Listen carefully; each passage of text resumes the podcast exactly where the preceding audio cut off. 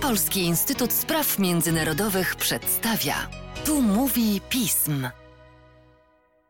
Dzień dobry. W podcaście Polskiego Instytutu Spraw Międzynarodowych witam Państwa Łukasz Jasina i witam Macieja Zaniewicza, naszego specjalistę do spraw ukraińskich. Cześć Macieju. Cześć Łukaszu. W artykule wydanym przez doradcę prezydenta Zeleńskiego, pana Żowkwę, pojawiały się bardzo ważne cele ukraińskiej polityki zagranicznej. Tak około dziesiątego miejsca pojawiały się tam relacje z Trójmorzem, wejście Ukrainy jako obserwatora do tej organizacji, czego zresztą Ukraina kilka lat temu nie chciała. Nie jest też do końca możliwe, żeby była jego członkiem, bo nie jest członkiem Unii Europejskiej. W tym kontekście pojawiały się zresztą Węgry, a nie Polska. Jak wygląda spojrzenie ukraińskie w tej chwili na Trójmorza. Przypomnisz nam jeszcze raz, czym właściwie Trójmorze jest, bo ono się bardzo często wielu znawcom stosunków polsko-ukraińskich myli z Międzymorzem, a to są dwie zupełnie odrębne rzeczy. Tak, zdecydowanie.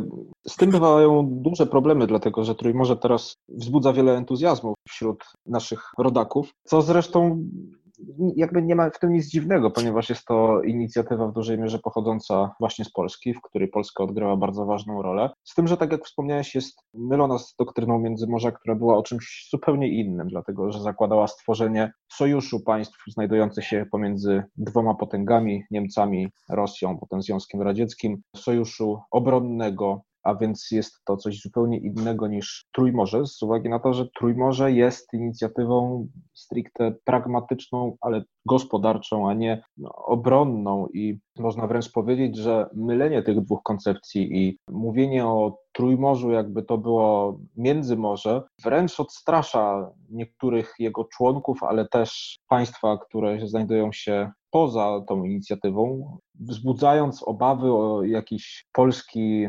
wielkopolski imperializm, wielkopolski nawiązując oczywiście nie do województwa. Wielkiej Polski.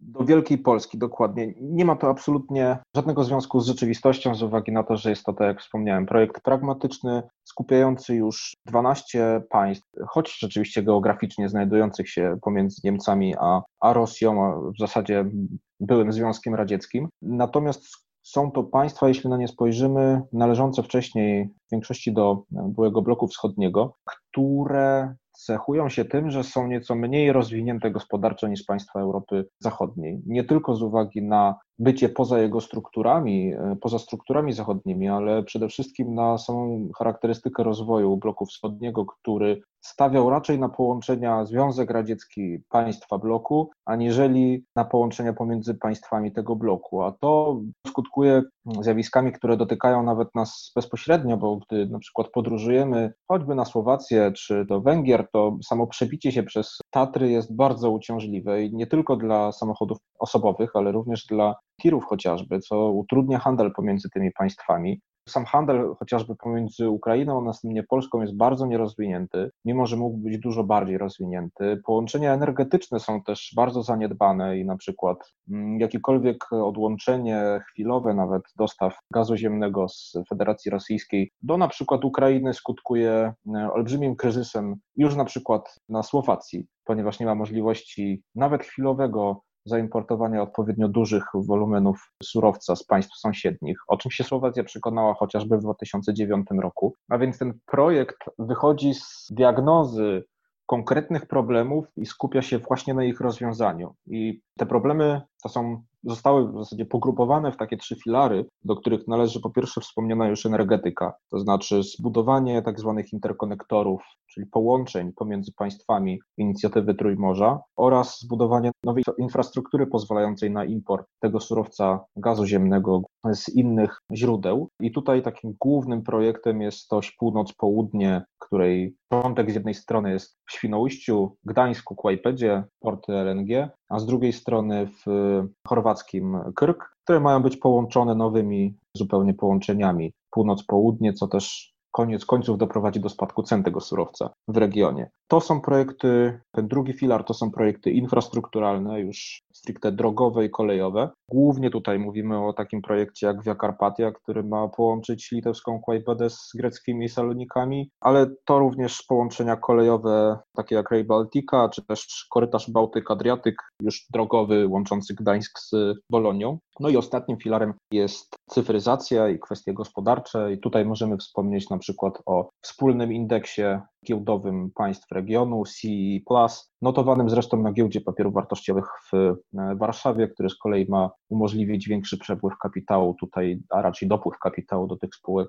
w ramach regionu. W ramach inicjatywy powstał również Fundusz Trójmorza, który ma na celu finansowanie tych wszystkich projektów. Jednak potrzeby są dużo większe niż na razie środki, jakimi dysponuje fundusz, ponieważ potrzeby są liczone w setkach miliardów euro, podczas gdy sam fundusz dysponuje niespełna jednym miliardem, ale to jest początek samej inicjatywy. Jest to jedno ze źródeł finansowania, bo co warto wspomnieć od razu, jest to projekt wewnątrzunijny. To nie jest projekt, który ma być alternatywą dla Unii Europejskiej. I to go różni też od Międzymorza, który był alternatywnym wobec innych bloków politycznych sojuszem. Trójmorze jest inicjatywą wewnątrzunijną, skupiającą państwa unijne i projekty, które powstają w ramach tej inicjatywy mogą być i będą i są już finansowane ze środków unijnych. To jest też o tyle istotne, że pozwala uruchomić dodatkowe finansowanie europejskie, ale też finansowanie chociażby Stanów Zjednoczonych, które nie są zainteresowane tym, żeby ten region się izolował od reszty Unii Europejskiej. Wbrew wielu tezom, Stany Zjednoczone raczej są zainteresowane tym, aby ten region był w miarę spójny, zwłaszcza wobec rosyjskiej polityki zmierzającej do dezintegracji Unii Europejskiej i, i NATO. W związku z czym Stany Zjednoczone również zapowiedziało dołożenie jednego euro do każdego, jednego dolara do każdych trzech wydanych dolarów w ramach tejże inicjatywy, co też jest bardzo ważną informacją. Wspomniałem trochę o tym we wstępie, ale Ukraina nie może zostać przecież członkiem Trójmorza. Jak zatem miałby wyglądać jej udział w tym przedsięwzięciu? To jest bardzo ciekawe, jeżeli prześledzi się właśnie zmianę nastawienia Ukrainy do samego e, projektu. Tak jak wspomniałeś, Ukraina już była zapraszana do, do, do udziału w inicjatywie Trójmorza w 2016 roku. Takie zaproszenie zostało wystosowane, jednak obecne, ówczesne władze Ukrainy nie były tym zainteresowane. I myślę, że taką podstawową przyczyną było to, że wówczas za prezydenta Petra Poroszenki Ukraina była nastawiona przede wszystkim na współpracę z Niemcami, które również były sceptyczne wobec tej inicjatywy, obawiając się, że ona będzie miała charakter antyunijny, będzie dążyła do rozbicia jedności Unii Europejskiej, będzie miała na celu tworzenie jakiejś politycznej przeciwwagi dla Niemiec, czy tak zwanego tandemu niemiecko-francuskiego. Tak się nie stało i co ciekawe, Niemcy obecnie są obserwatorem w ramach inicjatywy Trójmorza. No jednak Ukraina odrzuciła te propozycje i ona już nie została ponowiona w takim formacie, choć Polska wciąż jest zainteresowana współpracą z Ukrainą jako też dołączeniem Ukrainy do obserwatorów, do grona obserwatorów. Wśród nich jest m.in. Komisja Europejska również. Ukraina obecnie zmieniła swoje nastawienie. Bardzo możliwe, że między innymi dlatego, że Niemcy zmieniły swoje nastawienie mhm. i obecnie jest bardzo chętna do tego, aby zostać obserwatorem. Tak jak zresztą e, wspomniałeś, jest to elementem oficjalnej dyskusji. Mało tego, powstała w Radzie Najwyższej grupa deputowanych Intermarium, co też jest o tyle zabawne, że właśnie połowę naszej Nazwa. prawdopodobnie Intermarium rozmowy... to Międzymorze raczej niż Trójmorze. Dokładnie. Już, już kilka minut rozmawiamy o tym, że to nie jest Międzymorze, podczas gdy na Ukrainie powstaje inicjatywa Intermarium, czyli Międzymorze, a nie Trójmorze, której jednym z celów jest właśnie dołączenie Ukrainy do tej grupy. To też pokazuje, że ten brak zrozumienia, ta, ta konfuzja związana z, z, z tą nazwą nie jest wyjątkowa tylko w Polsce, nie jest typowa dla Polski, ale również jest na Ukrainie, gdzie sama koncepcja Międzymorza, już tak na marginesie mówiąc, myślę, że może być nawet bardziej popularna niż w Polsce, zwłaszcza w kręgach prawicowych na Ukrainie, gdzie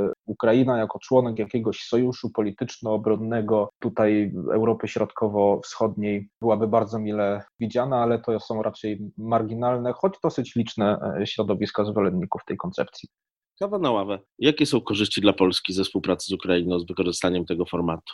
Ja myślę, że to jest odpowiedź na to pytanie, jest też kluczowa, dlatego, żeby sobie odpowiedzieć na pytanie, dlaczego Ukraina nie jest w inicjatywie Trójmorza. Już mówię o co chodzi. Dla Polski tak naprawdę udział Ukrainy jest korzystny jako obserwatora, dlatego że otworzyłoby to chociażby drogę do finansowania wspólnych projektów, podłączenia się na przykład szlaków wschód-zachód transportowych na Ukrainie pod projekt Via Carpatia, który z kolei zwiększyłby tranzyt towarowy kierowany później do portu w Gdańsku czy też do portu w Elblągu. Natomiast a sami dobrze, doskonale wiemy, jak, w jakim stanie są ukraińskie drogi i jak to jest olbrzymi problem dla, dla tranzytu, który jest bardzo zacofany na tym szlaku Ukraina, Morze Bałtyckie, jeżeli chodzi o polskie porty. Natomiast to jest jedna kwestia. Druga kwestia to walka chociażby z rosyjską dezinformacją. To też usprawnienie, to znaczy zyskanie dodatkowego finansowania dla projektów energetycznych, interkonektorów, koniec końców zwiększenie szans na przyłączenie się, synchronizację systemu energetycznego, elektroenergetycznego Ukrainy z